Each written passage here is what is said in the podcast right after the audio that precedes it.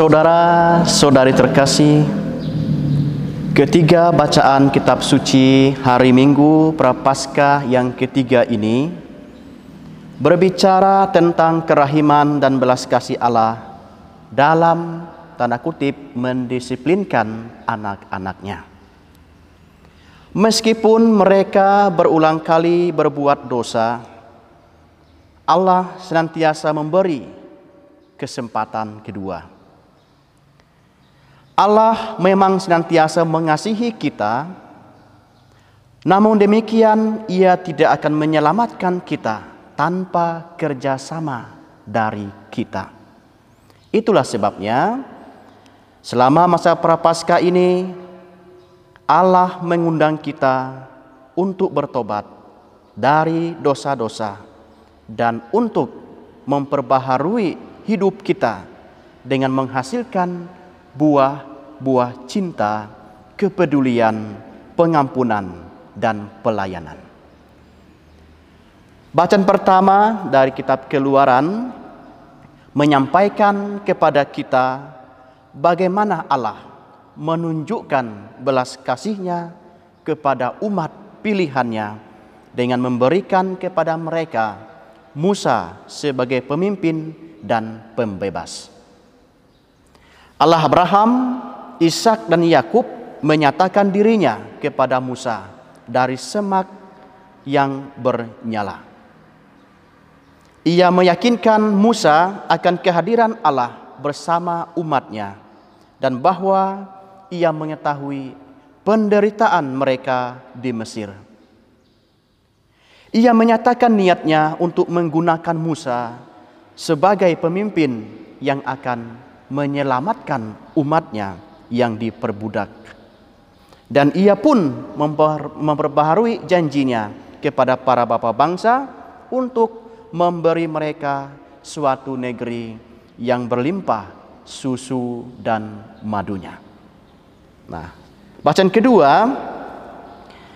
memperingatkan kepada kita bahwa Allah yang berbelas kasih adalah juga Allah yang mendisiplinkan. Nah, Paulus mengingatkan orang-orang Kristen di Korintus bahwa mereka harus belajar. Belajar dari pengalaman menyedihkan orang-orang Israel yang dihukum karena dosa-dosa mereka oleh Allah yang berbelas kasih tetapi adil. Nah, kemudian bacaan Injil minggu ini dari Injil Lukas menjelaskan bagaimana Tuhan juga mendisiplinkan umatnya. Mengundang mereka untuk bertobat dari dosa-dosa. Memperbaharui kehidupan dan untuk menghasilkan buah-buah roh kudus. Nah Yesus menggunakan dua peristiwa atau dua tragedi pada zamannya untuk mengajar kepada kita tentang perlunya pertobatan dan pembaharuan kehidupan. Kita lihat yang pertama, tragedi pembantaian orang-orang Galilea oleh Pilatus ini hanya dikisahkan oleh Injil Lukas. Nah, tetapi Josephus seorang sejarawan Yahudi mencatat bahwa Pilatus pernah mengacaukan ritual keagamaan orang Samaria di Gunung Gerizim dengan membantai para pengikutnya. Nah, pada kesempatan lain, Pilatus membunuh banyak orang Galilea yang memprotes ketika ia menggunakan uang dari perbendaharaan bait bait suci untuk membangun saluran air di Yerusalem. Nah, saluran saluran air ini untuk mendapatkan pasokan air yang lebih baik bagi para peziarah. Nah, sekali lagi Injil Lukas menyajikan dua peristiwa ini sebagai suatu tragedi yang terjadi di bait suci. Nah, meskipun pembantaian itu diperintahkan oleh Pilatus, namun orang Yahudi pada zaman itu berpikir bahwa para korban adalah orang-orang yang bersalah dan karenanya tanda kutip pantas mengalami tragedi tersebut.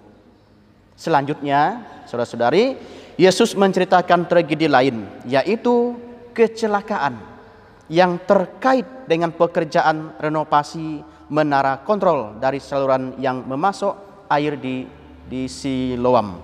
Nah, di mana 18 orang meninggal.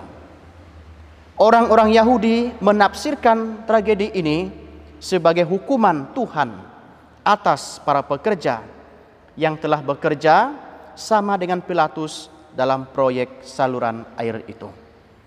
Saudara terkasih, mengutip dua peristiwa tragis itu, Yesus menasihati orang-orang Yahudi untuk bertobat dan memperbaharui hidup mereka. Yesus menolak pemahaman bahwa orang-orang Galilea atau ke-18 orang yang tertimpa menara dekat Siloam itu mati karena dosa-dosa mereka. Namun, ia mengundang para pendengarnya untuk bertobat supaya tidak menderita seperti mereka. Jikalau kamu tidak bertobat, kamu semua pun akan binasa dengan cara demikian.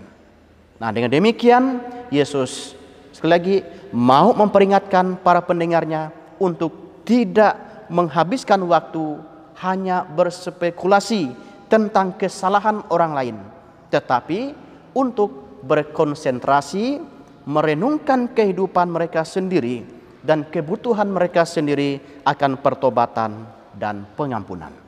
Saudara-saudari, dengan perumpamaan tentang pohon ara juga yang tidak berbuah dalam Injil, Yesus juga memperingatkan bahwa meskipun Allah dengan sabar menunggu orang berdosa untuk bertobat dan memberi mereka rahmat untuk melakukannya, ia tidak akan menunggu selamanya. Nah, sebelum waktunya habis, lakukanlah pertobatan. Janganlah kita menunda-nunda untuk bertobat, sebab tidak ada kata terlambat untuk bertobat. Pace ebene.